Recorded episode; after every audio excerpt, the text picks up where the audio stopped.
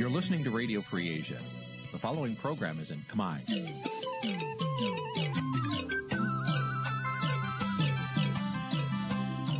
នេះជាកម្មវិធីផ្សាយវិទ្យុអាស៊ីសេរី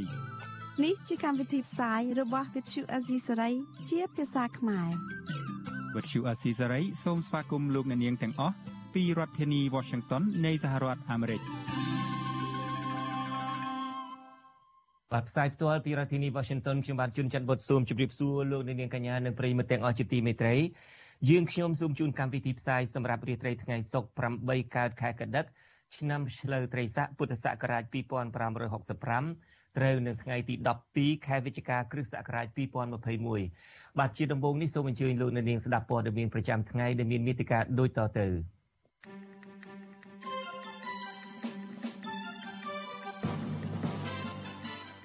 លោករងឈុននិងសកម្មជនមួយចំនួនរិះគន់តុលាការថាការដោះលែងភ្ជាប់ជាមួយលក្ខខណ្ឌតឹងរឹងនៅតែជារឿងអយុត្តិធម៌សម្រាប់ពួកគាត់ក្រសួងការបរទេសកម្ពុជាថាការដាក់ទណ្ឌកម្មរបស់អាមេរិកលើមន្ត្រីយោធាកម្ពុជាជាការប្រើអំណាចហួសព្រំដែន UNHCR និងអង្គការសិទ្ធិមនុស្សអន្តរជាតិ Human Rights Watch ថ្កោលទោសអាញាធរថៃករណីចាប់បញ្ជូនជនភៀសខ្លួនខ្មែរពីប្រទេសថៃទៅកម្ពុជា នៅក្នុងការផ្សាយនេះរាត្រីនេះដែរយើងនឹងមានបទសម្ភាសន៍ផ្ទាល់ជាមួយលោករងឈុនកញ្ញាឈឿនដារាវីនិងលោកហ៊ុយវណ្ណៈរីឯនីតិវេទិកាអ្នកស្ដាប់វិទ្យុអាស៊ីសេរីយើងនឹងជជែកគ្នាអំពីវប្បធម៌អញជួយឯងឯងជួយអញរវាងរដ្ឋាភិបាលកម្ពុជានិងថៃនិងព័ត៌មានមួយចំនួនទៀតបាទជាបន្តទៅទៀតនេះខ្ញុំបាទជួនចាត់បុតស៊ូមជូនព័ត៌មានទាំងនេះពិស្ដាបាទលោកនាងកញ្ញាជាទីមេត្រីតុលាការរបបក្រុងភ្នំពេញបានដោះលែងលោករងឈុននិងសកម្មជនសង្គម សកម្មជននយោបាយមួយចំនួនពីពន្ធនាគារហើយនៅថ្ងៃទី12ខែវិច្ឆិកានេះបន្ទាប់ពីពួកគាត់ជាប់ពន្ធនាគារចន្លោះពី10ខែទៅជាង15ខែក៏ប៉ុន្តែលោករងឈុននិងសកម្មមួយសកម្មជនមួយចំនួនរិះគន់ថាការដោះលែងភ្ជាប់ជាមួយនឹងលក្ខខណ្ឌតឹងរឹងជាច្រើននេះនៅតែជារឿងអយុត្តិធម៌សម្រាប់ពួកគាត់អ្នកស្រីខែសំណងមានសេចក្តីរាយការណ៍អំពីរឿងនេះជូនលោកនៅនាងពីរដ្ឋធានី Washington មេដឹកនាំសហជីព និងជាសមាជិកក្រុមប្រឹក្សាឃ្លាំមើលកម្ពុជាលោករងឈុនព្រមទាំងសកម្មជនមួយចំនួនត្រូវបានដោះលែងពីពន្ធនាគារជាបន្តបន្ទាប់នៅថ្ងៃទី12ខែវិច្ឆិកាបន្ទាប់ពីជាប់ឃុំគ្រប់ចំនួនកំណត់សកម្មជនទាំងនេះខ្លះមានរូបកាយស្លេកស្លាំងនិងស្គមស្គាំងប្រហាក់ប្រហែលគ្នាប៉ុន្តែពួកគាត់នៅតែបង្ហាញស្មារតីនិងជំហររឹងមាំដដែលក្រុមគ្រួសារសាច់ញាតិមិត្តភ័ក្តិនិងប្រជាពលរដ្ឋប្រមាណជាង200នាក់បានរងចាំទទួលស្វាគមន៍ពួកគាត់នៅខាងមុខពន្ធនាគារ លោករងឈុនដែលមានចងទង់ជាតិខ្មែរនៅលើក្បាលបានថ្លែងដោយសេចក្តីក្លាហាននៅចំពោះមុខប្រជាពលរដ្ឋដែលបានទៅទទួលលោកនៅខាងមុខពន្ធនាគារថាពន្ធនាគារមិនអាចបំបាក់ស្មារតីលោកបានទេលោកបន្តថាទោះបីជាលោកចេញពីពន្ធនាគារក្តីក៏នៅតែអយុត្តិធម៌សម្រាប់លោក និងសកម្មជនផ្សេងទៀតដដែលព្រោះតុលាការនៅតែបន្តរក្សាបទចោទប្រកាន់ដូចដូចគ្នា និងពិន័យប្រាក់ដ៏ច្រើនសន្ធឹកសន្ធាប់ថែមទៀតផង លោករងឈុនអំពាវនាវឲ្យប្រជាពលរដ្ឋយុវជន ក្រុមបញ្ញវន្តនិងគ្រូបង្រៀនត្រូវរួមគ្នាសាមគ្គីដើម្បីជំរុញឲ្យមានលទ្ធិប្រជាធិបតេយ្យនិងការគោរពសិទ្ធិមនុស្សនៅកម្ពុជាខ្ញុំរងឈុនមកជួបបងប្អូនវិញហើយ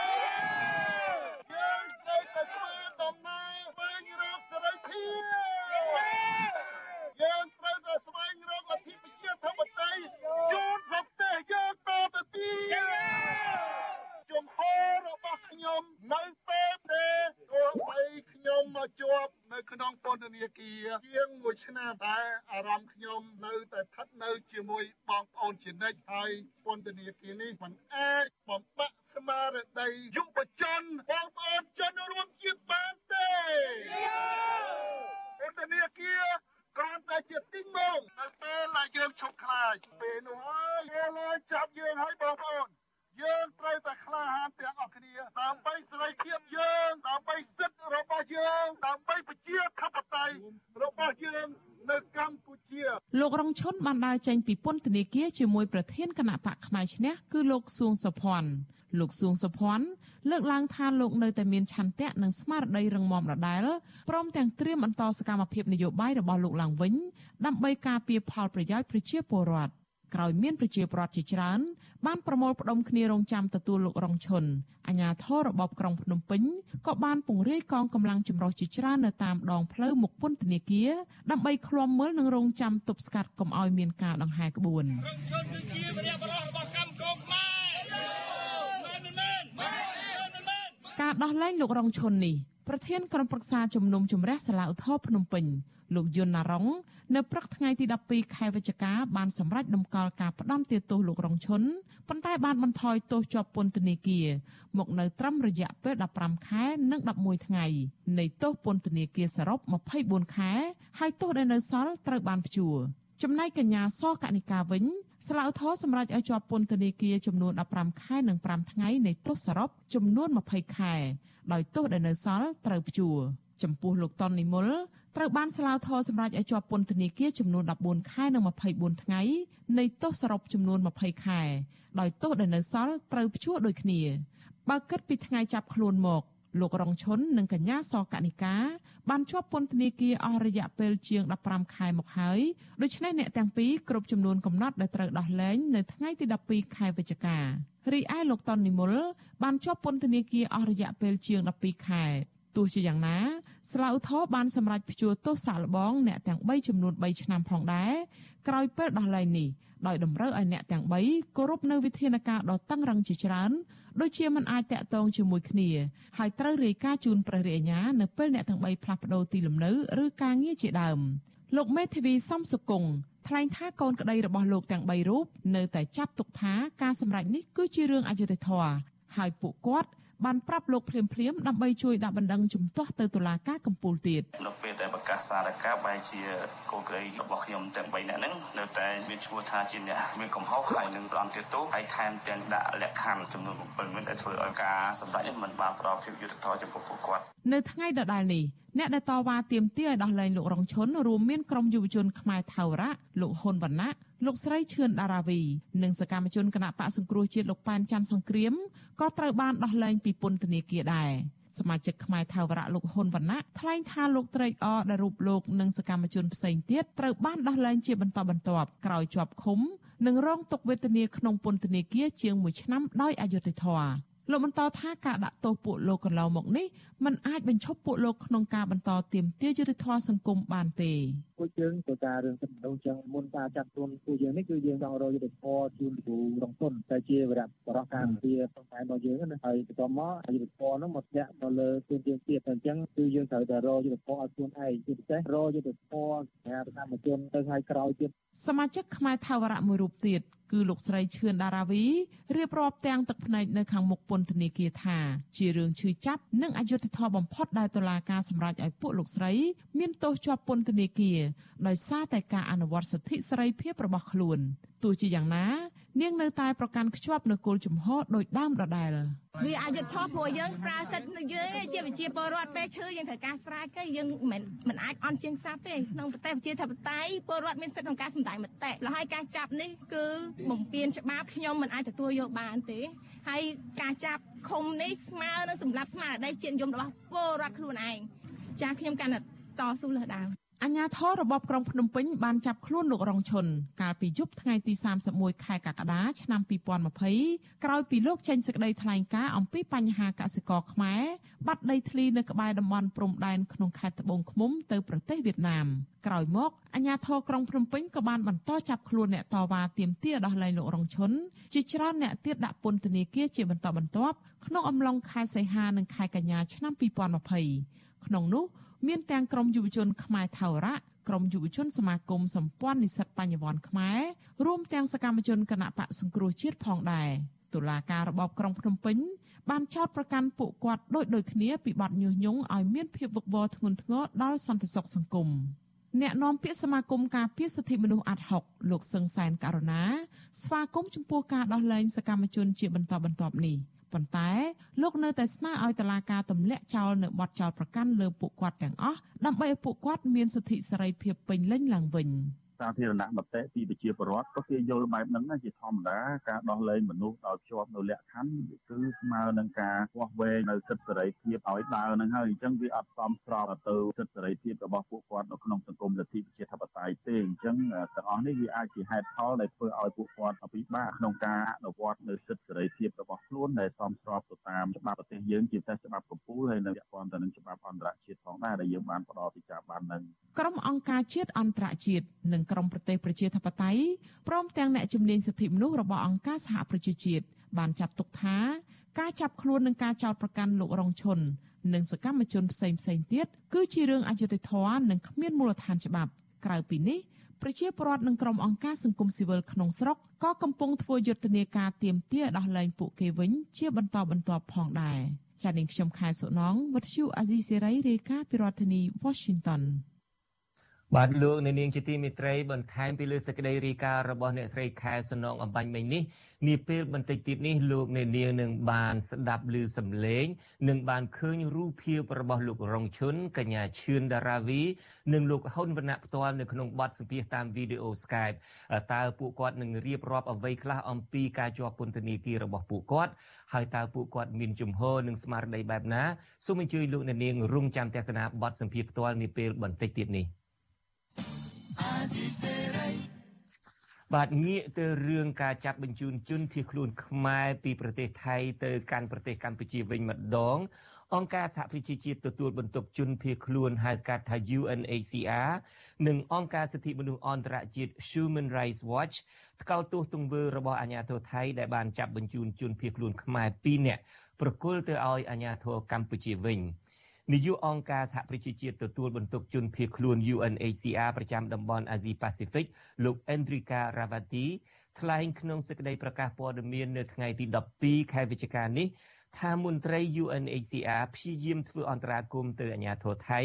ឲ្យដោះលែងអ្នកទាំងពីរព្រោះគេជាជនភៀសខ្លួននិងព្រួយបារម្ភអំពីការធ្វើបាប ធ្វើទុកបុកម្នេញប្រសិនបើពួកគេត្រូវបញ្ជូនត្រឡប់ទៅកម្ពុជាវិញនោះលោកអេនរីកាវ៉ាវ៉ាទីសោកស្ដាយចំពោះទង្វើអាញាធរថៃដែលមិនបានគោរពតាមគោលការណ៍ច្បាប់អន្តរជាតិស្ដីពីជនភៀសខ្លួននិងកំពុងរងចាំការបញ្ជាក់ពីអាញាធរថៃអំពីមូលហេតុដែលចាប់បញ្ជូនជនភៀសខ្លួនខ្មែរទាំងពីររូបនេះប្រគល់ទៅឲ្យអាញាធរកម្ពុជាវិញ អង្គការ UNHCR សូមឲ្យសមត្ថកិច្ចថៃស៊ើបអង្កេតករណីនេះជាបន្ទាន់និងអំពាវនាវសូមឲ្យអាជ្ញាធរថៃអនុវត្តតាមកាតព្វកិច្ចរបស់ខ្លួនដោយគោរពតាមគោលការណ៍ច្បាប់អន្តរជាតិព្រមទាំងបញ្ឈប់ជាបន្ទាន់នៅទង្វើបែបនេះទៅថ្ងៃអនាគតអង្គការ UNHCR មានការព្រួយបារម្ភខ្លាំងអំពីសវត្ថិភាពរបស់ជនភៀសខ្លួនខ្មែរទាំងពីរនាក់នេះ និងជំរុញរដ្ឋាភិបាលកម្ពុជាគោរពសិទ្ធិមនុស្សនិងអនុញ្ញាតឲ្យអង្គការសិទ្ធិមនុស្សនានាតាមដានស្ថានភាពនេះនៅក្នុងប្រទេសកម្ពុជាជនភៀសខ្លួនទាំងពីរនាក់នេះមានឈ្មោះវឿនវាសនានិងវឿងសំណាង ជាសកម្មជនរបស់គណៈបកសង្គ្រោះជាតិពួកគេត្រូវបានសមត្ថកិច្ចថៃចាប់ខ្លួននៅទីក្រុងបាងកកកាលពីថ្ងៃទី8ខែវិច្ឆិកាប៉ុន្មានថ្ងៃមុននេះនិងត្រូវបញ្ជូនទៅកម្ពុជាវិញនៅថ្ងៃទី9ខែវិច្ឆិកាកន្លងទៅ បច្ចុប្បន្នពួកគេត្រូវគេបានចាប់ឃុំឃាំងនៅពន្ធនាគារព្រៃសរក្បែររាជធានីភ្នំពេញចំណែកអង្គការសិទ្ធិមនុស្សអន្តរជាតិ Human Rights Watch វិញក៏បានទាមទារឲ្យសមត្ថកិច្ចកម្ពុជាទម្លាក់បទចោលបទចោទនិងដោះលែងពួកគេដោយឥតលក្ខខណ្ឌផងដែរនាយកអង្គការ Human Rights Watch ទទួលបន្ទុកជនភៀសខ្លួននិងចំណាក់ស្រុកលោក Bill Frelich បញ្ជាក់នៅក្នុងសេចក្តីប្រកាសព័ត៌មាននៅថ្ងៃសុក្រនេះថាទង្វើរបស់អាជ្ញាធរថៃដែលចាប់បញ្ជូនជនភៀសខ្លួនខ្មែរទាំងពីរនាក់ទៅកម្ពុជាវិញនេះគឺជាទង្វើអសិលធម៌និងជាការប្រឆាំងនឹងគោលការណ៍ច្បាប់ការពារជនភៀសខ្លួនលោកគូបញ្ជាក់ថាតាមច្បាប់ជនភៀសខ្លួនអាជ្ញាធរថៃ សំទោសអាជ្ញាធរនៃប្រទេសដែលអនុញ្ញាតឲ្យមានជនភៀសខ្លួនស្នាក់នៅមិនអាចចាប់បញ្ជូនពួកគេត្រឡប់ទៅប្រទេសកំណើតដែលនឹងរងការធ្វើបាបទារុណកម្មនិងបង្កការគ្រោះថ្នាក់ដល់ពួកគេនោះឡើយ។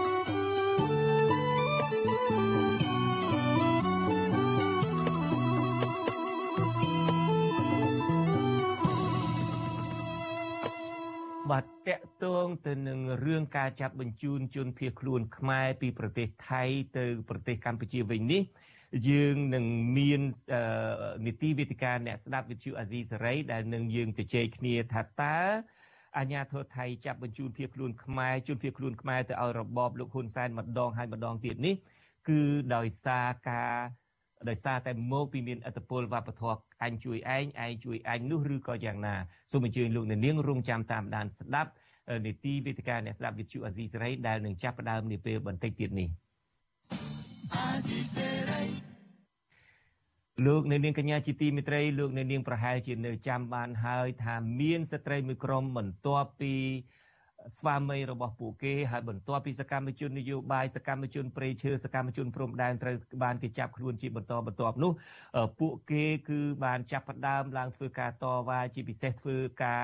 តវ៉ារៀងរាល់ថ្ងៃសុក្រ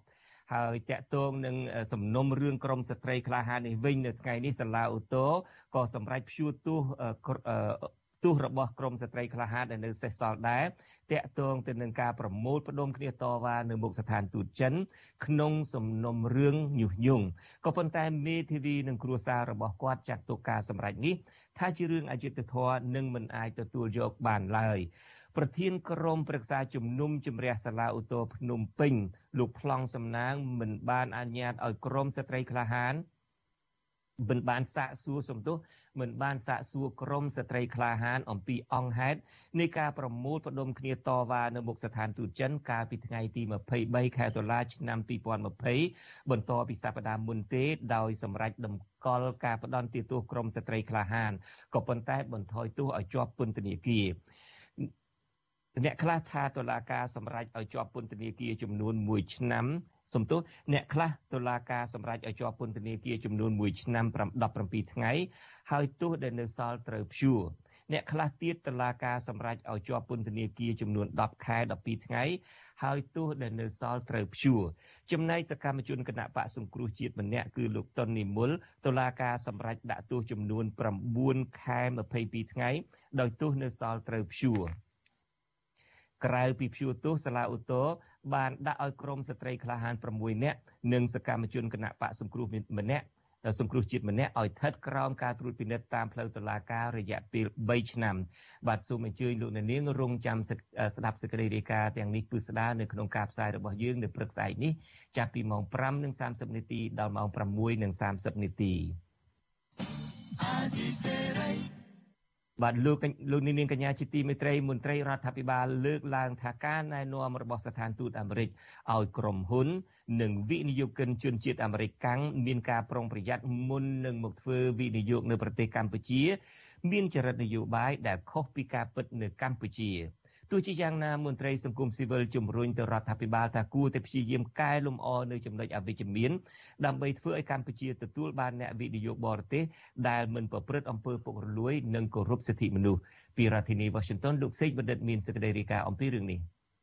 តំណាងរដ្ឋាភិបាលកម្ពុជាចាត់ទុកការលើកឡើងរបស់ស្ថានទូតអាមេរិកជុំវិញហានិភ័យខ្ពស់ក្នុងការរកស៊ីនៅកម្ពុជានោះថាជារឿងមិនឆ្លុះបញ្ចាំងការពិត។ អ្នកនាំពាក្យរដ្ឋាភិបាលលោកផៃស៊ីផានហាងថារដ្ឋាភិបាល តែងតែធ្វើច្បាប់ប្រឆាំងអំពើពុករលួយ ដើម្បីការពារអ្នកវិនិយោគជាតិនិងអន្តរជាតិលោកលើកឡើងទៀតថាជនជាតិអាមេរិកមិនចង់រកស៊ីនៅស្រុកខ្មែរទើបចោទប្រកាន់ថា ការវិនិយោគនៅកម្ពុជា មានអំពើពុករលួយ ឬរំលោភសិទ្ធិមនុស្សបែបនេះទោះយ៉ាងណាលោកទទួលស្គាល់ថាទោះរដ្ឋាភិបាល ប្រឹងប្រយុទ្ធប្រឆាំងនឹងអំពើពុករលួយបែបនេះក្តីក៏បញ្ហានេះនៅតែកើតមានឡើងខ្ញុំទទួលស្គាល់ថាมันអស់ពីអំពើពុករលួយដូច្នេះជាចំណែកជាយន្តការគឺយើងប្រឆាំងនឹងអំពើពុករលួយបើយើងដឹងអតិថិជនដែលរកទទួលទាននៅកម្ពុជាប្រព្រឹត្តអំពើពុករលួយគឺយើងចាប់ដាក់គុកប្រតិកម្មបែបនេះរបស់មន្ត្រីរដ្ឋាភិបាលក្រោយស្ថានទូតអាមេរិកបានណែនាំទៅអ្នកវិនិយោគរបស់ខ្លួន ថាការវិនិយោគនៅកម្ពុជា មានហានិភ័យមួយចំនួន ដូចជាវិស័យហិរញ្ញវត្ថុអចលនទ្រព្យកាស៊ីណូនិងហេដ្ឋារចនាសម្ព័ន្ធមានហានិភ័យខ្ពស់ស្ថានទូតក៏ប្រាប់អ្នកវិនិយោគរបស់ខ្លួនកុំឲ្យជាប់តាក់ទងនឹងការរកស៊ីដែលមានការរំលោភសិទ្ធិមនុស្សអំពើពុករលួយ ការជួញដូរមនុស្សសត្វព្រៃព្រៃឈើនិងគ្រឿងញៀនជាដើមស្ថានទូតសហរដ្ឋអាមេរិករំលឹកទៀតថាអំពើពុករលួយ កំពុងរីករាលដាលខ្លាំង និងចាក់ស្រេះនៅគ្រប់ទីកន្លែងនៅក្នុងប្រទេសកម្ពុជាជុំវិញរឿងនេះប្រធានមជ្ឈមណ្ឌលប្រជាពលរដ្ឋដើម្បីការអភិវឌ្ឍនិងសន្តិភាព លោកយងកំឯងសង្កេតឃើញថា ជាញឹកញាប់តែងតែមានការត្អូញត្អែពីអ្នកវិនិយោគអំពីរឿងសោកលុយឲ្យមន្ត្រីតាមក្រោមតុកលោកយល់ថាបញ្ហានេះធ្វើឲ្យអ្នកវិនិយោគនៅប្រទេសស្អាតស្អំមិនហ៊ានមករកស៊ីនៅកម្ពុជាទេ បាទបញ្ហាលើកំតក់នេះគឺបើតាមការយើងបានបានមើលទៅលើការសិក្សាស្រាវជ្រាវមួយចំនួនការលើកឡើងមួយចំនួនតាមប្រព័ន្ធផ្សព្វផ្សាយយើងមានឃើញការលើកឡើងអំពីបញ្ហាពុករលួយបញ្ហាការប្រព្រឹត្តលួយក្រមតុកដែលធ្វើឲ្យគេមានការអភិបាលអីចឹងដែរបាទស្រដៀងគ្នានេះដែរនាយករងទទួលបន្ទុកផ្នែកឃ្លាំមើលសិទ្ធិមនុស្សនៃអង្គការលីកាដូលោកអំសំអាតសង្កេតឃើញថា សហរដ្ឋអាមេរិកនិងប្រទេសប្រជាធិបតេយ្យផ្សេងទៀតពេលចង់វិនិយោគទៅប្រទេសណាមួយគេតែងតែគិតគូរគ្រប់ជ្រុងជ្រោយពិសេសលើការគោរពសិទ្ធិមនុស្សប្រជាធិបតេយ្យនិងប្រឆាំងអំពើពុករលួយជាដើមលោកយល់ថាបើរដ្ឋាភិបាលប្រឹងប្រែងកែលម្អខ្លួនឲ្យសហគមន៍អន្តរជាតិជឿជាក់នឹងអាចតាក់ទាញអ្នកវិនិយោគកាន់តែច្រើនថែមទៀតមករកស៊ីនៅកម្ពុជា។ ការកែលម្អទៅឲ្យមានជឿជាក់ហើយអាចតទាញវិនិយោគមកវិនិយោគនៅស្រុកខ្មែរកាន់តែច្រើនអានោះវាជាការបង្ហាញមោទនភាពមួយចំពោះកម្ពុជាផងដែរជាពិសេសកម្ពុជាយើងត្រូវតែពង្រឹងនៅគោលការណ៍ស្ដារនៃការគោរពសិទ្ធិមនុស្សបំបត្តិអំពើពុករលួយហើយនឹងគោលការណ៍ស្ដារនៃលទ្ធិប្រជាធិបតេយ្យចាប់តាំងពីឆ្នាំ2017មកទល់នឹងពេលនេះកម្ពុជាជាប់ឈ្មោះក្នុងបញ្ជីប្រភេទនៃក្រមប្រទេសមានហានិភ័យខ្ពស់ ផ្នែកអំពើលាងលុយកខ្វក់នៅលើពិភពលោក របស់អង្គការអន្តរជាតិឃ្លាំមើលអំពើលាងលុយកខ្វក់ឈ្មោះក្រមការងារហិរញ្ញវត្ថុក្រោយមកស្ថាប័នហិរញ្ញវត្ថុរបស់សហភាពអឺរ៉ុបនិងសហរដ្ឋអាមេរិកក៏ដាក់បញ្ចូលកម្ពុជាទៅក្នុងបញ្ជីឃ្លាំមើលនៃក្រមប្រទេសមានហានិភ័យខ្ពស់ផ្នែកអំពើលាងលុយកខ្វក់នេះដែរសហរដ្ឋអាមេរិកបានដាក់ទណ្ឌកម្មបង្កកទ្រព្យសម្បត្តិ និងរដ្ឋបិទទឹកថាការលើមន្ត្រីយោធាជាន់ខ្ពស់កម្ពុជា ជាច្រើនរូបជាបន្តបន្ទាប់ក្រៅពីនេះក៏មានឈ្មោះបំផ្លាញព្រៃឈើនិងក្រុមហ៊ុនចិនដែលរកស៊ីនៅកម្ពុជាផងដែរជាងនេះទៅទៀតសហរដ្ឋអាមេរិកក៏មិនទាន់បានផ្ដល់ប្រព័ន្ធអនុគ្រោះពន្ធទូទៅរបស់ខ្លួនហៅថា GSP ឲ្យកម្ពុជាវិញដែរក្រោយពីបានផុតសុពលភាពកាលពីចុងឆ្នាំ2020ខ្ញុំបាទសេកបណ្ឌិត វិទ្យុអាស៊ីសេរីពីរដ្ឋធានីវ៉ាស៊ីនតោនបាទលោកនាងជាទីមេត្រី ដំណឹងអំពីការដោះលែងលោករងឈុនរួមនឹងសកម្មជនបរិស្ថានសកម្មជននយោបាយដទៃទៀតទទួលបានការអបអរសាទរពីគ្រប់ទិសទីពីសំណាក់ប្រជាពលរដ្ឋខ្មែរនាពេលបន្តិចទៀតនេះលោកនាងនឹងបានស្ដាប់បទសម្ភាសន៍ផ្ទាល់រវាងខ្ញុំបាទជាមួយនឹងលោករងឈុនកញ្ញាឈឿនដារាវីនិងលោកហ៊ុនវណ្ណៈបាទសូមអញ្ជើញលោកនាងរងចាំតាមដានស្ដាប់ថាតើពួកគាត់មានទស្សនៈជំហរស្មារតីបែបណាហើយតើស្ថានភាពនៃការជាប់ឃុំឃាំងរបស់ពួកគាត់នៅក្នុងពន្ធនាគារព្រៃសរមានស្ថានភាពបែបណាបាទសូមអញ្ជើញលោកនាងរងចាំស្ដាប់សេចក្តីរងចាំស្ដាប់បទសម្ភាសន៍ផ្ទាល់នាពេលបន្តិចទៀតនេះបាទពលករចំណាក់ស្រុកចំនួន7នាក់បានស្លាប់និង25នាក់ទៀតធ្លាក់ខ្លួនឈឺដោយសង្ស័យពុលអាកុលលាយជាមួយភេសជ្ជៈនិងទឹកហេតុការណ៍នេះបានកើតឡើងនៅថ្ងៃទី11ខែវិច្ឆិកាក្នុងមណ្ឌលចតាលេសាមួយកន្លែងក្នុងស្រុកប៉ោយប៉ែតខេត្តបន្ទាយមានជ័យ លោកលេងម៉ាលីមានសេចក្តីរាយការណ៍អំពីរឿងនេះពលករខ្មែរដែលធ្វើចតល័យស័កនៅមណ្ឌលចតល័យស័កកោបធំក្នុងក្រុងប៉ោយប៉ែតឲ្យដឹងនៅថ្ងៃទី12វិច្ឆិកាថាជនរងគ្រោះដែលស្លាប់សង្ស័យពលអកុលលាយភេសជ្ជៈមានសរុប7នាក់ក្នុងនោះមានស្រីម្នាក់ពួកគាត់ជាអ្នករស់នៅខេត្តត្បូងឃ្មុំ កំពង់ស្ពឺសៀមរាបខេត្តកណ្ដាលនិងខេត្តបន្ទាយមានជ័យដែលទើបត្រឡប់ពីប្រទេសថៃហើយកំពុងធ្វើចតលេស័ក ពលករខ្មែរម្នាក់កំពុងធ្វើចតលេស័កគឺលោកស្រីខុនដាលីនរៀបរាប់ថាមុនពេលកើតហេតុជនរងគ្រោះបានយកអកុលលាយជាមួយទឹកក្រូចភេសជ្ជៈនិងទឹកសុទ្ធដើម្បីទទួលទានជំនួសស្រាសក្នុងមណ្ឌលចតលេស័កគោកធំ សង្កាត់និមិត្តក្រុងប៉ោយប៉ែតលោកស្រីថាអ្នកពលមានជិត100នាក់ប៉ុន្តែអ្នកពលធ្ងន់ធ្ងរហើយបញ្ជូនទៅសង្គ្រោះបន្ទាន់នៅមន្ទីរពេទ្យមានសរុប25នាក់លោកស្រីបញ្ជាក់ទៀតថា ក្នុងពេលពលនោះជនរងគ្រោះមានអាការៈថប់ដង្ហើមអស់កម្លាំងនិងស្រវាំងភ្នែកដែលក្នុងនោះមានជនរងគ្រោះ3នាក់បានស្លាប់ភ្លាមៗក្នុងមណ្ឌលចាត់តល័យស័កនិង4នាក់ទៀតស្លាប់នៅមន្ទីរពេទ្យ អគាត់ញ៉ាំអកលហើយគាត់ពុលអកលហើយពួកខ្ញុំទៅនាំគ្នាមកគ្រាមកសែងពួកគាត់នឹងយកទៅពេលគាត់មើលអត់ឃើញទេគឺគាត់ពិបាកដកតាហើមនឹងខ្លួនណាគាត់ថាគាត់ពិបាកដកតាហើមនឹងខ្លួនអញ្ចឹងណាទៅក៏ឲ្យតែអ្នកកើតអញ្ចឹងឲ្យតែភ្នែកស្វាំងភ្នែកគឺទៅពេទ្យគឺអត់រស់ហើយមានតែស្លាប់ទាំងអស់ព្រោះអីពេទ្យគេថាអាជាតិអកលនឹងវាចូលក្នុងវិស័យឈាមយើងមិនវាមិនអាចលាងទាន់អញ្ចឹងណាអភិបាលខេត្តបន្ទាយមានជ័យលោកអ៊ុំរិត្រីបដិសេធមិនធ្វើអត្ថាធិប្បាយរឿងនេះទេដោយលោកចុចផ្ដាច់ទូរស័ព្ទ វិទ្យុអស៊ីសេរីមិនទាន់អាចតាក់ទងសុំការបំភ្លឺរឿងនេះពីប្រធានមន្ទីរសុខាភិបាលខេត្តបន្ទាយមានជ័យលោកលេច័ន្ទសង្វាតនិងអភិបាលក្រុងប៉ោយប៉ែតលោកគៀតហុលបាននៅឡើយទេ នៅថ្ងៃទី12វិច្ឆិកាដោយសារទូរស័ព្ទហៅចូលតែពុំមានអ្នកទទួលប៉ុន្តែលោកគៀតហុលបានប្រាប់សារព័ត៌មានក្នុងស្រុក VOD ថាក្រោយពីកើតហេតុអ្នកដែលពលត្រូវបានអាជ្ញាធរបញ្ជូនទៅសង្គ្រោះនៅមន្ទីរពេទ្យបង្អែកក្រុងប៉ោយប៉ែត មន្ទីរពេទ្យបង្អែកស្រុកមង្គលបុរី និងមួយចំនួនទៀតបញ្ជូនទៅសង្គ្រោះនៅមន្ទីរពេទ្យខេត្តសៀមរាបជុំវិញរឿងនេះមន្ត្រីសម្របសម្រួលសមាគមអាតហុកខេត្តបន្ទាយមានជ័យលោកសុំច័ន្ទគាយល់ថាករណីនេះជាបទពិសោធន៍អាក្រក់មួយដែលអាជ្ញាធរនិងក្រសួងសុខាភិបាលត្រូវបង្កើនការប្រុងប្រយ័ត្នខ្ពស់ទប់ស្កាត់មិនឲ្យកើតមានជាថ្មីទៀតលោកថាអាជ្ញាធរត្រូវផ្សព្វផ្សាយករណីនេះឲ្យបានទូលំទូលាយគ្រប់មណ្ឌលចាត់តល័យស័កនិងអប់រំពលរដ្ឋឲ្យប្រុងប្រយ័ត្ន ថែទាំសុខភាពគួរតែណែនាំទាំងអស់ហ្នឹងវាមិនមែនត្រឹមតែអ្នកនៅក្នុងចាត់តាល័យស័កឯអ្នកនៅតាមផ្ទះក៏ដោយដែលធ្លាប់ញៀនស្រាញៀនអីគួរតែពួកគាត់នឹងដឹងខ្លួនដឹងប្រានហើយថាការញ៉ាំអ្វីដែលដែលគេមិនអនុញ្ញាតញ៉ាំអ្វីដែលនាំប៉ះពាល់សុខភាពវានាំអន្តរាយដល់ជីវិតអញ្ចឹងបាទរដ្ឋបាលខេត្តបន្ទាយមានជ័យបានបង្កើតមណ្ឌលចាត់តល័យស័កនិងកន្លែងព្យាបាលជំងឺ Covid-19 កម្រិតស្រាល5ទីតាំងបន្ថែមទៀត ដើម្បីត្រៀមទទួលពលរដ្ឋខ្មែរត្រឡប់មកពីប្រទេសថៃហើយជនរងគ្រោះក្នុងករណីពលកុលលាយភេសជ្ជៈនេះស្នាក់នៅមណ្ឌលចាត់តល័យស័កគោកធំក្នុងក្រុងប៉ោយប៉ែតដែលមានពលករចំណាក់ស្រុកជាង1000នាក់កំពុងស្នាក់នៅធ្វើចាត់តល័យស័កបន្ទាប់ពីពួកគាត់ត្រឡប់ពីប្រទេសថៃកាលពីចុងខែឧសភាកន្លងទៅពលរដ្ឋរស់នៅស្រុកកំពង់ត្រាចខេត្តកំពត10នាក់បានស្លាប់និង55នាក់ត្រូវបានបញ្ជូនទៅសង្គ្រោះដោយសារពុលស្រាសរី ឯនៅខេត្តកណ្ដាលវិញមានមនុស្សចំនួន12នាក់បានស្លាប់ដោយសារការពុលស្រាសនិងស្រាថ្នាំក្នុងពិធីបុណ្យសពនៅស្រុកលវាឯមក្នុងករណីនោះតុលាការខេត្តកណ្ដាលបានសម្រេចឃុំខ្លួនអ្នកផលិតនិងអ្នកលក់ស្រាសសរុបចំនួន13នាក់ក្នុងពន្ធនាគារខេត្តនេះខ្ញុំបាទលេងម៉ាលីវិទ្យុអស៊ីសេរីរាយការណ៍ពីរដ្ឋធានី Washington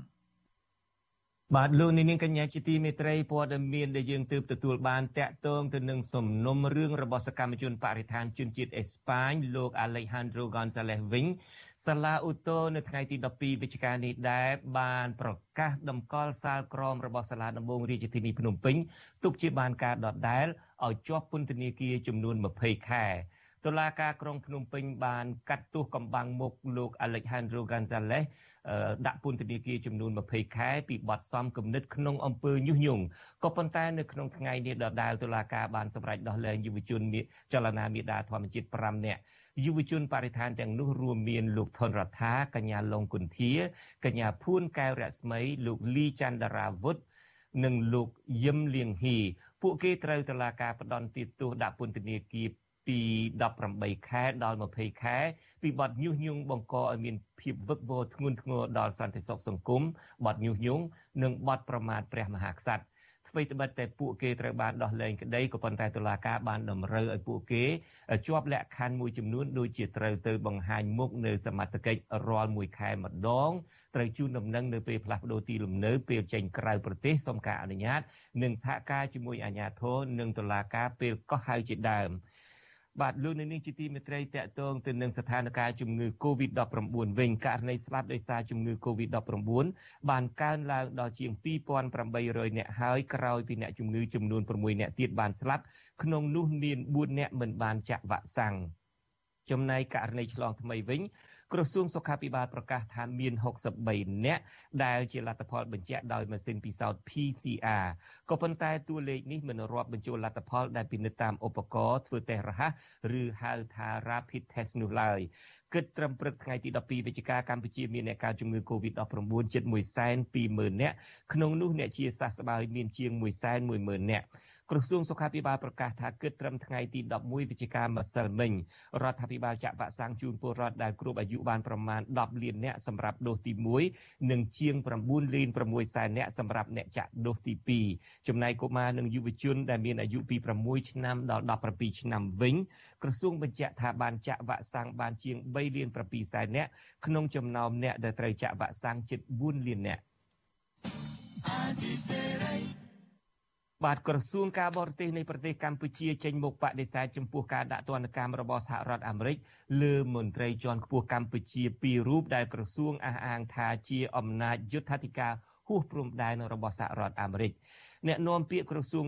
ការបរទេសលោកកុយគួងលើកឡើងក្នុងសេចក្តីថ្លែងការណ៍នៅថ្ងៃទី12ខែវិច្ឆិកាថាដាក់ទណ្ឌការដាក់ទណ្ឌកម្មនេះជាការបំពានលើច្បាប់អន្តរជាតិនិងបទដ្ឋានមូលដ្ឋាននៃទំនាក់ទំនងអន្តរជាតិព្រមទាំងជាការមាក់ងាយឯករាជ្យភាពនិងការជ្រៀតជ្រែកចូលកិច្ចការផ្ទៃក្នុងរបស់កម្ពុជា លើពីនេះលោកបានចោទសហរដ្ឋអាមេរិកថាកំពុងធ្វើយុទ្ធនាការលាបពណ៌ហើយការដាក់ទណ្ឌកម្មមកលើមន្ត្រីកម្ពុជាធ្វើឡើងដោយសារហេតុផលភូមិសាស្ត្រនយោបាយទៅវិញ។ ប្រតិកម្មខ្លាំងរបស់ក្រសួងការបរទេសនេះកើតមានឡើងក្រោយពីក្រសួងរដ្ឋាភិបាលអាមេរិកបានប្រើច្បាប់សកលមួយឈ្មោះ Global Magnitsky Act ដាក់ទណ្ឌកម្មមន្ត្រីយោធាជាន់ខ្ពស់កម្ពុជាពីររូបគឺលោកចៅភិរុនដែលជាអគ្គនាយកនៃអគ្គនាយកដ្ឋានសម្ភារៈបច្ចេកទេសនៃក្រសួងការពារជាតិនិងលោកទាវិញអគ្គមេបញ្ជាការកងយុទ្ធពលខេមរៈភូមិន្ទនិងជាមេបញ្ជាការកងទ័ពជើងទឹកពាក់ព័ន្ធនឹងអំពើពុករលួយក្នុងគម្រោងអភិវឌ្ឍមូលដ្ឋាន ទ័ពជើងទឹករៀមទោះជាយ៉ាងណាក្រសួងការបរទេសកម្ពុជាមិនបានបង្ហាញភ័ស្តុតាងរឹងមាំណាមួយដើម្បីបដិសេធការរកឃើញនឹងការដាក់ទណ្ឌកម្មរបស់អាមេរិកលើឧត្តមសេនីយ៍ផ្កាយ4ទាំងពីររូបនេះឡើយគណៈតំណាងរដ្ឋាភិបាលបញ្ជាក់ថានឹងគ្មានការស៊ើបអង្កេតរឿងអាស្រូវពុករលួយរបស់មន្ត្រីជាន់ខ្ពស់ទាំងពីររូបនេះទេ ក្រសួងរដ្ឋាភិបាលអាមេរិករកឃើញថានៅឆ្នាំ2020និងឆ្នាំ2021លោកចៅភិរុនបានរួមគំនិតកេងចំណេញពីសកម្មភាពពាក់ព័ន្ធនឹងការសាងសង់និងកែលម្អបរិវេណនិងអាគារនៅកំពង់ផែកងទ័ពជើងទឹករៀម នាយឧត្តមសេនីយ៍ចៅភិរុនបានប្រាប់អាស៊ីសេរីថាលោកមិនបានប្រព្រឹត្តអំពើពុករលួយក្នុងគម្រោងអភិវឌ្ឍកំពង់ផែកងទ័ពជើងទឹករៀមនៅខេត្តព្រះសីហនុដោយការចោទប្រកាន់របស់សហរដ្ឋអាមេរិកនោះឡើយលោកក៏បដិសេធទៀតថាលោកមិនបានទៅខុបខិតជាមួយប្រទេសចិនកុម្មុយនីសដើម្បីបំផ្លាញផលប្រយោជន៍របស់កម្ពុជានោះទេទោះជាយ៉ាងនេះក្តីលោកថាលោកព្រួយបារម្ភដែលសហរដ្ឋអាមេរិកពង្រីកទណ្ឌកម្មនេះទៅលើកូនកូនបង្កើតរបស់លោកដែលធ្វើឲ្យប៉ះពាល់ដល់អនាគតរបស់ពួកគេលោកនាងទើបតែបានស្ដាប់ព័ត៌មានប្រចាំថ្ងៃដែលជម្រាបជូនដល់ខ្ញុំបាទជួនច័ន្ទបុតពីរដ្ឋធានី Washington សូមអញ្ជើញលោកនាងរងចាំស្ដាប់នីតិវិទ្យាអ្នកស្ដាប់វិទ្យុអាស៊ីសេរីដែលនឹងចាប់ផ្ដើមនាពេលបន្តិចទៀតនេះ។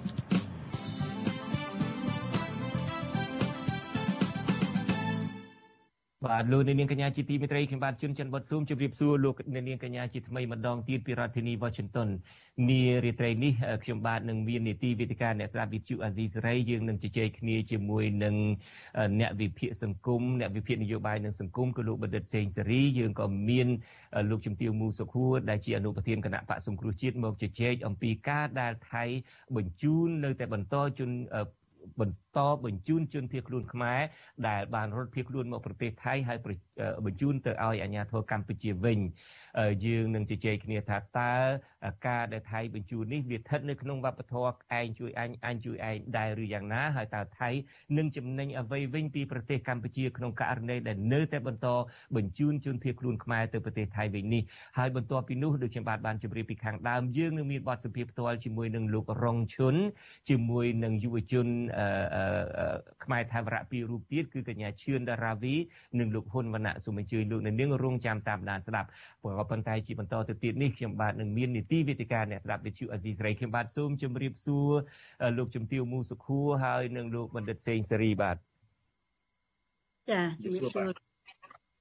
បាទអឺរីករាយណាស់ដែលបានលោកជំទាវហើយនិងលោកបណ្ឌិតបានមកចូលរួមនៅក្នុងនីតិវិទ្យាអ្នកស្ដាប់នាឱកាសនេះអឺ ក៏ប៉ុន្តែជាដំបូងនេះលោកទាំងពីរមានអារម្មណ៍បែបណាដែរចំពោះការដែលឮសូរថាលោករងឈុនហើយជាសកម្មជនការពារព្រំដែនក្រៅពីនឹងនឹងមានក្រមយុវជនខ្មែរថាវរៈមានសកម្មជននយោបាយមួយចំនួនទៀតមានទាំងអ្នកនយោបាយប្រធានគណៈបកនយោបាយផងត្រូវគេដោះលែងនៅពេលនេះតើលោកជំទាវមានពាក្យបែបណាមានការអបអរសាទរមានការ អរគុណទៅរដ្ឋាភិបាលដែរទេដែលទីបំផុតបានបង្ហាញកាយវិការដោះលែងពួកគាត់នេះបាទសូមជឿលោកជំទាវនៅក្នុងការទទួលបានយុត្តិធម៌សេរីភាពសិទ្ធិមនុស្សគ្មានអ្វីដែលយើងត្រូវអរគុណអ្នកណាទេនេះជាសិទ្ធិរបស់យើងជាសិទ្ធិដែលមានចែងនៅក្នុងរដ្ឋធម្មនុញ្ញនៃប្រទេសជាណាចក្រកម្ពុជា ហើយជាសិទ្ធិដែលមានចែងនៅសេចក្តីថ្លែងការណ៍សិទ្ធិមនុស្សជាសកល ដែលអត់ត្រូវអរគុណអ្នកណាទាំងអស់អរគុណអ្នកណាទេទុយទៅវិញខ្ញុំសូមលើកដៃសំពះអរគុណគោរពក៏ខ្ពង់ខ្ពស់នៅឆន្ទៈដ៏មោះមុតនៃអ្នកស្នេហាជាតិអ្នកប្រជាធិបតេយ្យពិតប្រាកដដែលចេញមកហើយនៅតែសម្ដែងនៅស្វ័នវិភៈទៅជូនទៅប្រទេសជាតិហើយបង្ហាញនៅវីរភាពហើយទៀមទាឲ្យមានយុត្តិធម៌ បន្តមិនមែនសម្រាប់តែអស់អ្នកទាំងនោះទេ សម្រាប់ពលរដ្ឋខ្មែរទូទៅបាទដូចជាបាទបានជម្រាបពីខាងដើមយើងនឹងលើអំពីជំហរឬក៏ស្មារតីរបស់ពួកគាត់ផ្ទាល់នេះពេលបន្តិចទៀតនេះបន្ទាប់ពីនីតិវិទ្យាអ្នកស្ដាប់វិទ្យុអាស៊ីស្រីសូមអរគុណលោកជំទាវអឺលោកបណ្ឌិតសេងសេរីវិញលោកមានទស្សនៈមានយោបល់បែបណាដែរចំពោះដំណឹងនៃការដោះលែងសកម្មជននយោបាយសកម្មជនបរិស្ថានសកម្មជនព្រំដែននៅថ្ងៃនេះ បាទសូមជម្រាបសួរលោកចិនចិនបុតម្ដងទៀតហើយសូមជម្រាបសួរលោកជំទាវមួយសុភូបងប្អូនដែលស្ដាប់សេរី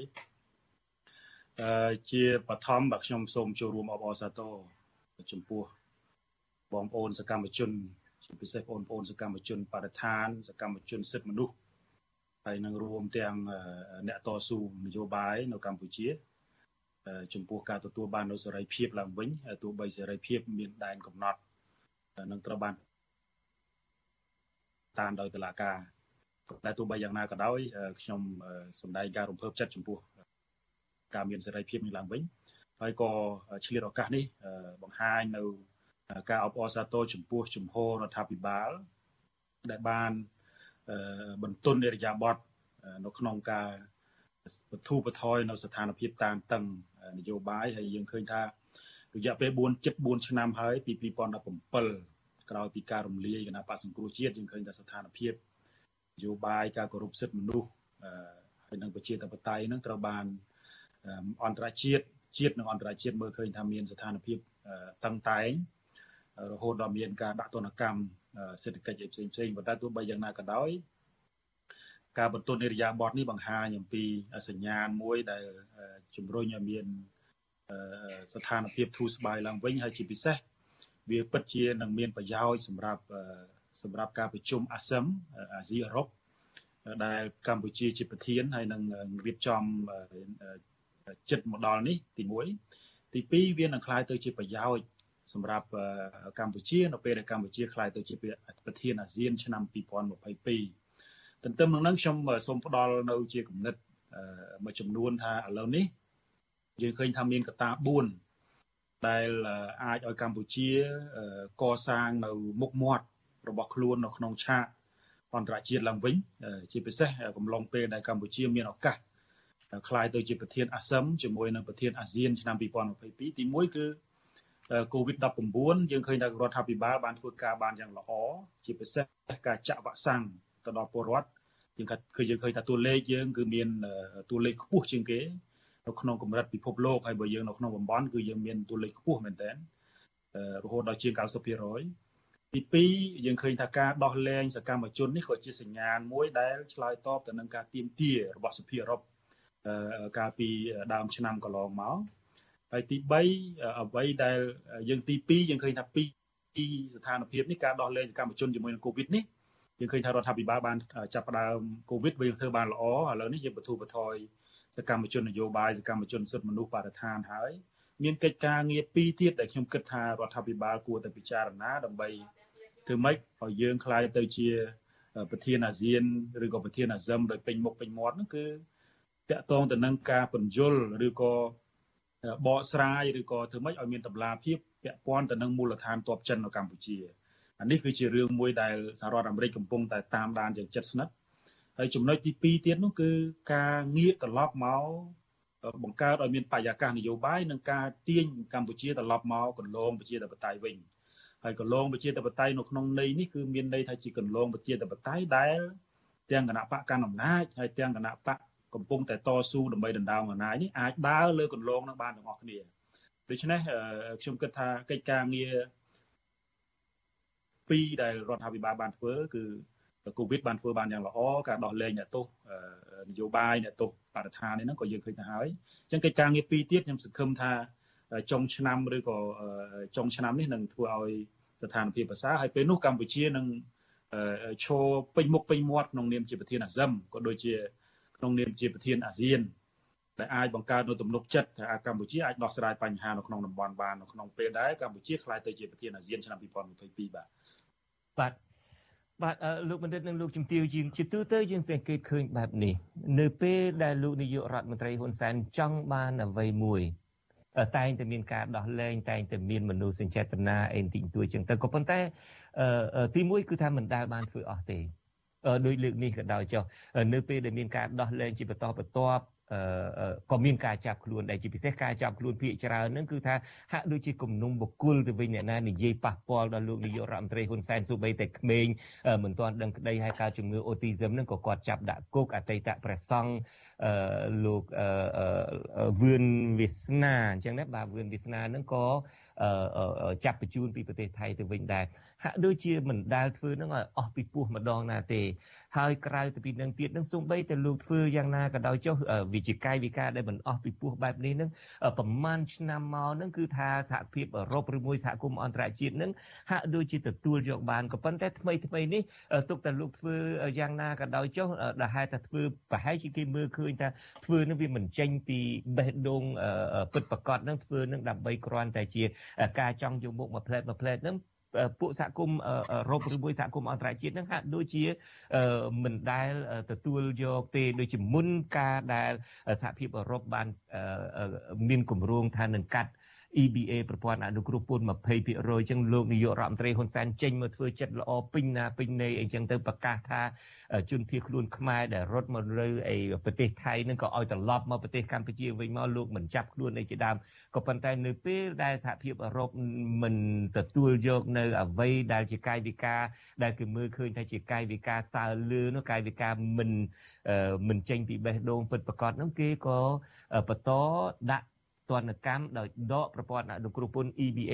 20%អីជាដើមតើលើកនេះទៀតកាយវិការរបស់លោកនាយករដ្ឋមន្ត្រីហ៊ុនសែនធ្វើបានប៉ុណ្ណេះដោះលែងប៉ុណ្ណេះហើយទីបំផុតនៅតែចាប់បញ្ជូនអ្នកទោសពីប្រទេសថៃទៅវិញនឹងអាចធ្វើឲ្យសហគមន៍អន្តរជាតិនឹងបធូរបថយឬមួយក៏មានសន្តានចិត្តអីចំពោះគាត់វិញទេលោកជំទាវដែលលោកដែលធ្លាប់ធ្វើការជាមួយនឹងសហគមន៍អន្តរជាតិកន្លងមកនេះ ចាលោកជុនច័ន្ទបុតនិងលោកបណ្ឌិតសេងសេរីយើងត្រូវជជែកគ្នានៅលើមូលដ្ឋានមួយ គឺលទ្ធិប្រជាធិបតេយ្យនិងសិទ្ធិសេរីភាពនៃពលរដ្ឋណាចាហើយយើងត្រូវតែមើលសេចក្តីថ្លែងការណ៍សារឡើងវិញមើលឯកសារទាំងឡាយសេចក្តីថ្លែងការណ៍នៃសហគមន៍អឺរ៉ុបរបាយការណ៍នៃសហគមន៍អឺរ៉ុបការដែលសហគមន៍អឺរ៉ុបបានខ្ញុំមិនចង់ប្រើពាក្យថាប្រមានទេបានបានដាក់លក្ខខណ្ឌ ជូនទៅដល់រដ្ឋាភិបាលលោកហ៊ុនសែននៅលក្ខខណ្ឌទាំងអស់នោះមានមុននឹងគេដាក់ទណ្ឌកម្ម EBA ណាចាលក្ខខណ្ឌទាំងអស់នោះមាន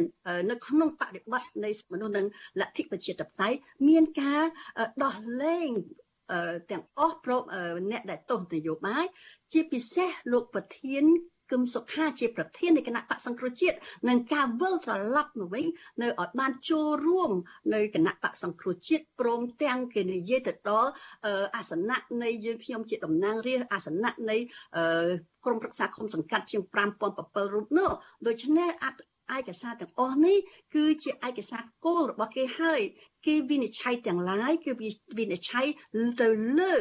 លក្ខខណ្ឌទាំងអស់នោះដែលគេដាក់มันអាចទុកឲ្យគេម្ដងបតក់ឲ្យអ្នកនេះម្ដងបតក់ឲ្យអ្នកនោះអត់បានទេដូច្នេះយើងទាំងអស់គ្នាក្នុងនាមយើងជាខ្មែរ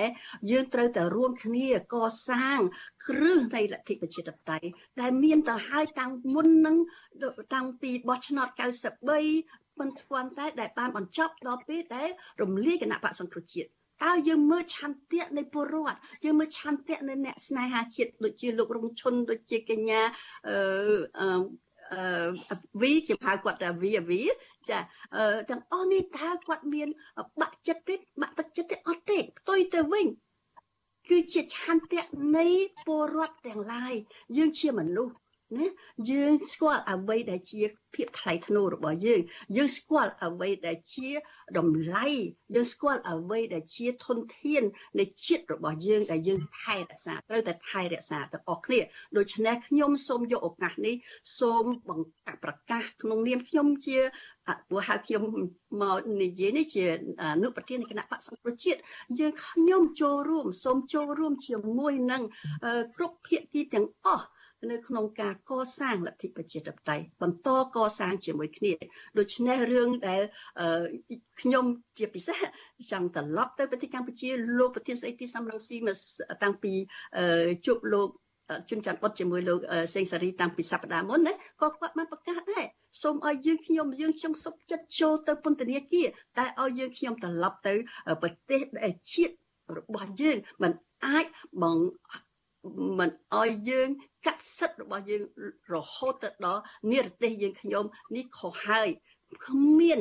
រដ្ឋាភិបាលនៃប្រទេសដែលគេប្រជាធិបតេយ្យទទួលបានទេដូចជាដូចជារដ្ឋាភិបាលសហរដ្ឋអាមេរិកឃើញទេគេគេគេដឹងលោក Biden លោក Joe Biden បានដាក់យុទ្ធសាស្ត្រខ្ពស់ណាស់នៅក្នុងការរក្សាអូខេប្រើពាក្យ global democracy មានន័យថាប្រជាធិបតេយ្យសកល ចាសិទ្ធិមនុស្សជាសិទ្ធិសកលទាំងហើយដូច្នេះការរក្សាសន្តិសុខ global security នោះទៀតគឺរក្សាសន្តិសុខជាសកលត្រូវតែគ្រឹះរបស់សន្តិសុខសកលសិទ្ធិសកល ប្រជាធិបតេយ្យសកលជាគ្រឹះដែលយើងត្រូវតែពីប្រទេសមួយទៅ ប្រទេសមួយតំបន់មួយទៅតំបន់មួយដូចជាអាស៊ានជាដើមហើយកុំភ្លេចថាប្រទេសកម្ពុជានឹងคล้ายបានបានទៅជាប្រធាន2022នៃអាស៊ានទៅហើយតើតំបន់នឹងคล้ายទៅជាតំបន់របៀបណាចាត្រូវពិចារណាទាំងអស់គ្នាមិនមែនដាក់ទៀនឲ្យអ្នកនេះបានសេរីភាពអ្នកនោះបានសេរីភាពរបៀបនឹងមិនបានទេបាទ អរគុណលោកជំទាវឥឡូវងាកមករឿងការចាប់បញ្ជូនជនភៀសការដែលអាជ្ញាធរថៃនៅតែបន្ត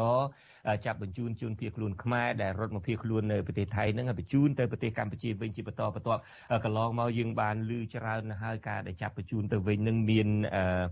អឺដូចជាលោករតរតមនីអ្នកស្រីសំសុខាហើយថ្មីថ្មីនេះគឺលោកវឿនវាសនាហើយនិងលោកវឿងសំណាងអីជាដើម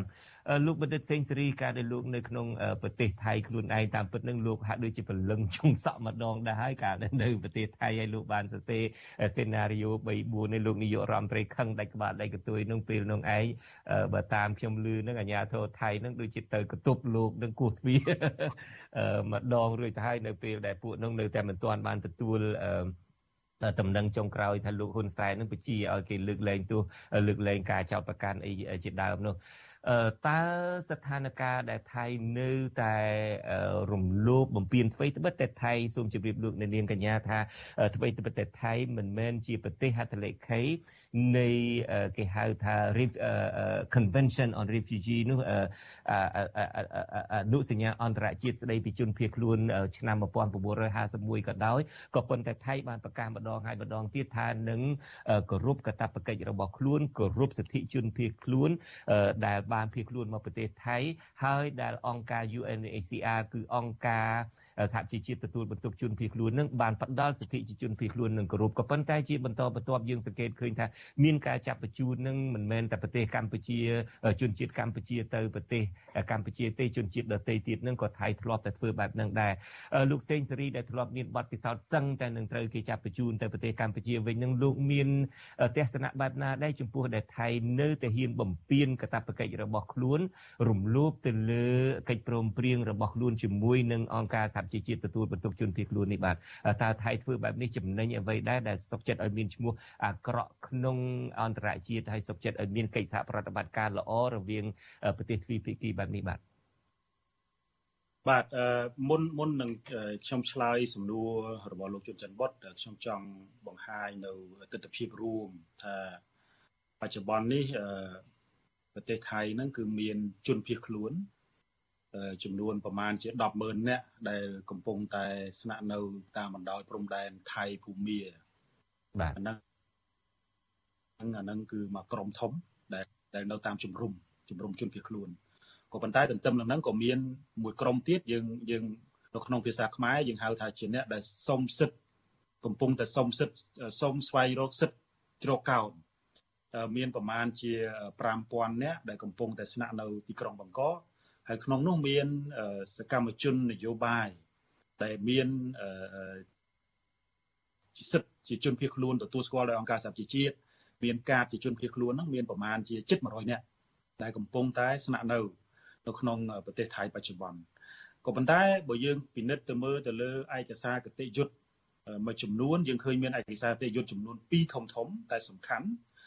ឯកសារយុត្តទី1គឺជាអនុសញ្ញាជនភៀសខ្លួនឆ្នាំ1951ដែលមាន46មាត្រាហើយមាត្រាដែលសំខាន់ជាងគេដែលយើងមើលឃើញថានៅក្នុង46មាត្រានោះមានមាត្រា33ដែលនិយាយអំពីការបញ្ជូនជនភៀសខ្លួនត្រឡប់ទៅប្រទេសកំណើតតែធ្វើឲ្យប៉ះពាល់ទៅដល់សន្តិសុខធ្វើឲ្យប៉ះពាល់ទៅដល់ទៅដល់សិទ្ធិរស់រានមានជីវិតរបស់ពួកគាត់ក៏ប៉ុន្តែឯកសារមួយទៀតដែលរដ្ឋាភិបាលកម្ពុជាហើយនិងរដ្ឋាភិបាលថៃ មានកិច្ចព្រមព្រៀងជាទ្វេភាគីរវាងថៃកម្ពុជានេះគឺកិច្ចព្រមព្រៀងនៅក្នុងការមិនអនុញ្ញាតឲ្យជនបរទេសឬក៏ជនជាតិខ្មែរមកប្រើប្រាស់ប្រទេសថៃជាមូលដ្ឋាននៅក្នុងការវាយប្រហាររដ្ឋាភិបាលកម្ពុជាទន្ទឹមនឹងនឹងកម្ពុជាក៏ធ្វើការសន្យាដែរថាមិនអនុញ្ញាតឲ្យជនជាតិថៃឬក៏អ្នកនយោបាយថៃណាប្រើទីតាំងប្រទេសកម្ពុជា នៅក្នុងការវាយប្រហារ ទៅលើរដ្ឋាភិបាល ស្ថាប័នព្រះមហាក្សត្រថៃក៏ដូចជាប្រទេសថៃទាំងមូល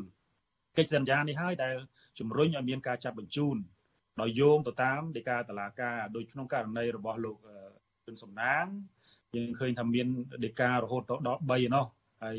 ដីកាហ្នឹងគឺផ្ដោតសំខាន់ទៅលើការប្រឆាំងជាមួយនឹងវិធានការរដ្ឋបង្កភាពវឹកវរទៅដល់សន្តិសុខសង្គម វិធានការរដ្ឋដែលក្នុងដែលខ្ញុំបានពិនិត្យមើលដីកានេះគឺពាក់ព័ន្ធទៅនឹងការប្រឆាំងជាមួយនឹងវិធានការចាក់វ៉ាក់សាំង COVID-19 ដូច្នេះហើយយើងឃើញថានៅក្នុងចំណោមជនភៀសខ្លួនជិត100នាក់ហ្នឹងគឺមានដីកាស្ទើរតែគ្រប់គ្នានោះក៏ប៉ុន្តែហេតុអីបានជាវាកើតឡើងចំពោះតែលោករឿនវាសនាដូច្នេះខ្ញុំខ្ញុំឃើញថាអាចជាចំណុចចាប់ផ្ដើមនៅក្នុងការ បង្ហាញថាយន្តការឬក៏កិច្ចព្រមព្រៀងរវាងរដ្ឋាភិបាលថៃនិងរដ្ឋាភិបាលកម្ពុជានេះកំពុងតែចាប់ផ្ដើមអនុវត្តហើយទោះបីជាកន្លងមកយើងឃើញថាមាន2 3ករណីកើតឡើងក៏ដោយក៏ប៉ុន្តែឥឡូវនេះយើងឃើញកើតឡើងទៀតហើយ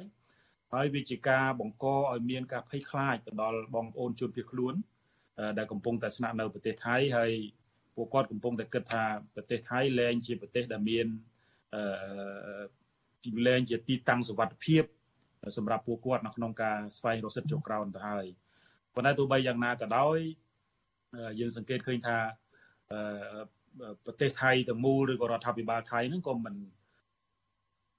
ក៏មិនព្យាយាមធ្វើដោយចំហដែរនៅក្នុងការនៅក្នុងការបញ្ជូនពួកគាត់ត្រឡប់ទៅវិញដោយក្នុងករណីរបស់លោករឿនសំណាងនេះគឺបញ្ជូនចេញទៅទាំងយប់ដោយតាមខ្ញុំដឹងពីអាជ្ញាធរថៃ តម្រួតថៃតាមរយៈស្ថាប័នស្រាវជ្រាវហ្នឹងយើងឃើញថា ពួកគាត់ចាប់ខ្លួនក្នុងន័យជាអន្តោប្រវេសន៍ខុសច្បាប់មានន័យថាបើសិនជាពួកគាត់ជាប់ជាអន្តោប្រវេសន៍ខុសច្បាប់មិនមានប៉ាសពតអីត្រឹមត្រូវគឺអាជ្ញាធរមិនចាំបាច់ឆ្លងតឡាការថៃទេគឺកម្រិតត្រឹមអាជ្ញាធរថៃហ្នឹងអាចបញ្ជូនពួកគាត់ត្រឡប់ទៅប្រទេសវិញហើយអញ្ចឹងនៅពេលដែលគាត់ទៅដល់កម្ពុជាគឺគាត់ជាប់ជាមួយនឹងដីកាតឡាការដោយដោយអូតូម៉ាទិកហើយអាហ្នឹងគឺនេះជាស្ថានភាពដែលកើតឡើងហើយទន្ទឹមនឹងហ្នឹងខ្ញុំគិតថា អ្វីដែលយើងគួរឲ្យព្រួយបារម្ភនោះគឺអ្នកដែលជិត100នាក់នេះកំពុងតែរស់នៅដោយភាពភ័យខ្លាចតែខ្លាចអាញាធរថៃចាប់បញ្ជូនអីជាដើមនេះគឺខ្ញុំក៏មិនដឹងថានឹងមានយន្តការយ៉ាងណាហើយអង្គការសហជីវជាតិខ្ញុំគិតថាកំពុងតែធ្វើការយ៉ាងយកចិត្តទុកដាក់នៅក្នុងការជំរុញឲ្យមានឲ្យពួកគាត់អាចទៅរក ប្រទេសទី3ណាមួយដើម្បីទទួលបានសិទ្ធិចូលក្រោនព្រោះឥឡូវនេះសូម្បីតែក្នុងករណីរបស់លោកលឺសំណាងហ្នឹងក៏មិនសូម្បីតែអង្គការសហជីវជាតិហ្នឹងក៏អន្តរាគមទៅលើករណីរបស់រួនសំណាងហ្នឹងអត់បានដែរអញ្ចឹងហើយវាជាករណីសិក្សាមួយសម្រាប់ UNHCR ដែរដែលពិចារណាទៅលើអ្នកសេសសល់ប្រមាណជា700នាក់នោះបាទបាទ អរគុណលោកបណ្ឌិតសេងសេរីឆ្លៀតឱកាសនេះខ្ញុំបាទក៏មានដំណឹងល្អមួយទៀតដែរថ្មីមុនពេលបន្តិចមុននេះបន្តិចហ្នឹងយើងបានឮសូរថាក្រមស្ត្រីក្លាហានចំនួន5នាក់គឺមានលោកស្រីលឹមសានលោកស្រីយ៉នស្រីមុំលោកស្រីហុងអានប៉ៃរ៉េននិងអ្នកស្រីសានស្រីនៀតក៏ត្រូវបានគេដោះលែងដែរបាទក្រមស្ត្រីក្លាហាន5នាក់5រូបនេះក៏ទើបតែនឹងដោះលែងមុននេះបន្តិចដែលយើងបានទទួលព័ត៌មានជាចុងក្រោយនេះបាទងាកមកលោកជំទាវមូសុខួរវិញម្ដងតើថៃអាចនឹងត្រូវរងការរិះគន់បែបណាដែលពីសំណាក់ប្រទេសអាស៊ានខ្លួនឯងហើយនឹងពីសំណាក់សហគមន៍អន្តរជាតិចំពោះអំពើនេះហើយតើថៃនឹងចំណេញអីដែរពីរដ្ឋាភិបាលលោកហ៊ុនសែនក្នុងការធ្វើបែបនេះបាទចាលោកជិនច័ន្ទវត្តអញ្ចឹងហើយបានជាយើងត្រូវយកមកដាក់នៅក្នុងបរិបទអាស៊ានណាចាអាស៊ានដែលជាសហគមន៍មួយ ដែលបានធានាឲ្យមានសន្តិសុខឲ្យមានសិទ្ធិមនុស្សហើយសេចក្តីថ្លែងការណ៍នៃអាស៊ានក៏បានធានាដែលនិយាយអំពីសិទ្ធិមនុស្សបានធានាច្បាស់ណាស់ហើយយកគោលការណ៍នៃការប្រកាសជាសកលនៃសិទ្ធិមនុស្សជាគោលការណ៍ធំហើយដែលនិយាយអំពីការការពារនៃសមាជិកនៃអាស៊ានទាំងអស់ត្រូវតែការពារសាច់នៅអ្វីដែលជាសេចក្តីថ្លែងការណ៍ នៃសិទ្ធិមនុស្សនៃអង្គការសហប្រជាជាតិអញ្ចឹងនៅក្នុងនឹងយើងឃើញហើយគោលធំនៃការប្រកាសនៅហ្សឺណែវពីអ្វីដែលនិយាយអំពីជនភៀសខ្លួននឹងគឺឈលលើមាត្រាទី14នៃការប្រកាសជាសកលនិស្សិតមនុស្សដែលនិយាយថាជនភៀសខ្លួនក៏ជាមនុស្សមានមានន័យថាអ្វីដែលជាសិទ្ធិសេរីភាពនៃជនជាមនុស្ស ជាភៀសខ្លួនក្តីមិនភៀសខ្លួនក្តីគឺជាសិទ្ធិសេរីភាពដែលប្រទេសនីមួយៗទទួលយកទទួលស្គាល់ហើយត្រូវតែការពារដោយយកគោលការណ៍នេះជាធំដូច្នេះបើយើងនិយាយអំពីអាស៊ានណាជាពិសេសប្រទេសកម្ពុជាជាបាក់បានខ្លាយទៅជាប្រធាននៃអាស៊ានជុំ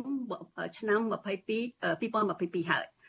ដូច្នេះយើងមើលបរិបទអាស៊ានតើអាស៊ាននឹងមានជំងឺ អាស៊ានកំពុងតែមានជំងឺស្រាប់ផងជំងឺរឿងភូមាឥឡូវចូលជំងឺប្រទេសកម្ពុជា និងប្រទេសថៃទៀតចាហើយអាស៊ាននៅមានជំងឺមួយទៀតនៅប្រទេសហ្វីលីពីនក៏កំពុងតែមានការ រំលោភសិទ្ធិមនុស្សធ្ងន់ធ្ងរណារហូតទៅដល់គេយករឿងគេយកលោកប្រធានាធិបតីឌីទូតេយកទៅដាក់នៅតុលាការយុតិធធអន្តរជាតិដោយសារការវិធានការដ៏ក្តៅរបស់លោកឌូតេតេនៅក្នុងការដោះស្រាយបញ្ហាគ្រឿងញៀនណាចាដែលមានកាប់សម្លាប់ពលរដ្ឋឆៅឆៅចាដូច្នេះបើយើងមើលទៅបរិបទនៅអាស៊ាន តើអាស៊ានជំងឺអាស៊ានដែលឈលលើរឿងសិទ្ធិមនុស្សលទ្ធិប្រជាធិបតេយ្យនោះតើអាស៊ានដោះរបៀបណាហើយប្រធាននៃអាស៊ាននៅឆ្នាំ2022ជាប្រធានដែលមិនគោរពសិទ្ធិមនុស្សនៅក្នុងប្រទេសរបស់ខ្លួននឹងវាមានបញ្ហាចិត្តមនុស្សប៉ុណ្ណាប៉ុណ្ណីទៅហើយហើយយើងមើលថាភាគីដែលជាសមាជិកដទៃទៀតនៃ អាស៊ានមិនមែនមានតែអាស៊ានប្រទាំង10នេះទេអាស៊ាននៅមានភាគីដទៃទៀតច្រើនទៀតណាស់ដូចសហគមន៍អឺរ៉ុបទាំងមូលដូចជាប្រទេសដទៃទៀតដែលនៅជិតអាស៊ានហ្នឹងក៏មានដែរដូច្នេះនៅក្នុងលក្ខណៈនេះខ្ញុំជឿជាក់ថានឹងវិបត្តិសិទ្ធិមនុស្សនៅក្នុងអាស៊ានហ្នឹងដែលបង្កមកដោយប្រទេស និងរដ្ឋាភិបាលយោធាដូចជានៅភូមាយោធាដូចជានៅប្រទេសថៃហើយផ្ដាច់ការដូចជានៅប្រទេសហ្វីលីពីនដូចនៅប្រទេសកម្ពុជាអាស៊ាននឹងមានវិបត្តិថាអាស៊ានត្រូវតែដោះចា៎បាទ បាទអរគុណលោកជំទាវនៅពេលតែមួយនាទីទៀតទេលោកបណ្ឌិតសេងសេរី